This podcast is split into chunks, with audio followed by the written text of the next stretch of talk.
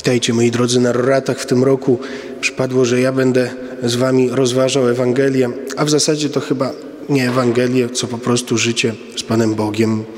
Moi drodzy, pierwszą osobliwością naszych rorat z pewnością jest to, że nie było śpiewanego hymnu chwała na wysokości Bogu.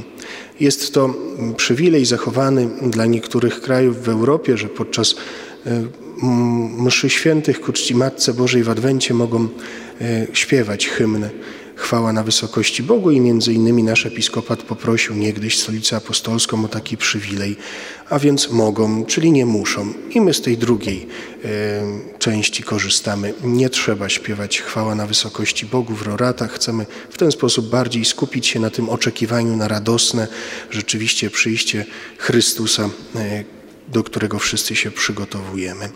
Druga sprawa, temat dziś, temat tegorocznych rorat to oblubienica. Wczoraj podszedł do mnie jeden z uczestników wspólnoty Oblubienica w kawiarence po jednej z mszy świętych i mówi do mnie, proszę księdza, czy ksiądz będzie mówił kazania o konkurencyjnej wspólnocie?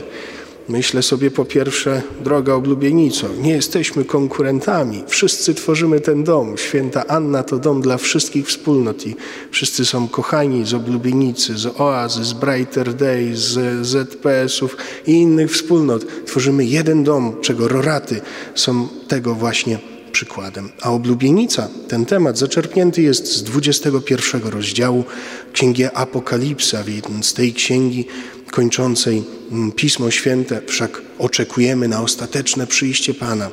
Tam w tej Apokalipsie w 21 rozdziale przeczytamy: Oto ujrzałem oblubienicę, która jest przyozdobiona klejnotami. Mowa o Kościele. Rzeczywiście, który ma wiele pereł i klejnot łaski w swoim władaniu.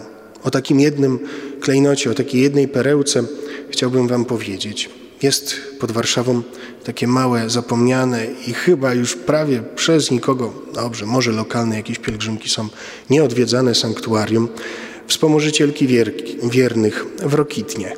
Nie wiem, czy ktoś był? No właśnie. Zatem tam, moi drodzy, w Rokitnie w obrazie przedstawiona jest Matka Boża trzymająca dzieciątko. Nic szczególnego. Gdzieś tam obraz pochodzący z XVII wieku przetrwał zawieruchy wojenne. E, prymasi, którzy jeździli do Gniezna, zatrzymywali się właśnie tam, w Rokitnie, przy tym sanktuarium, aby pomodlić się o dobrą podróż. Stąd e, drugi tytuł tego e, sanktuarium prymasowskie sanktuarium wspomożycielki wiernych. Tyle niech wystarczy o historii, ale chciałbym wam powiedzieć, jak ten klejnot, jak ta perła w przyozdobieniu całego kościoła, całej oblubienicy okazała się cenną dla mojego życia. Otóż kiedy byłem takim nieco większym kidosem, gdzieś 17 lat, wtedy rozważałem moje powołanie i chciałem odkryć odpowiedź, chciałem wydusić od Pana Boga. Powiedz mi jasno i krótko, czy mam być księdzem, czy nie, bo chodzi mi to po głowie.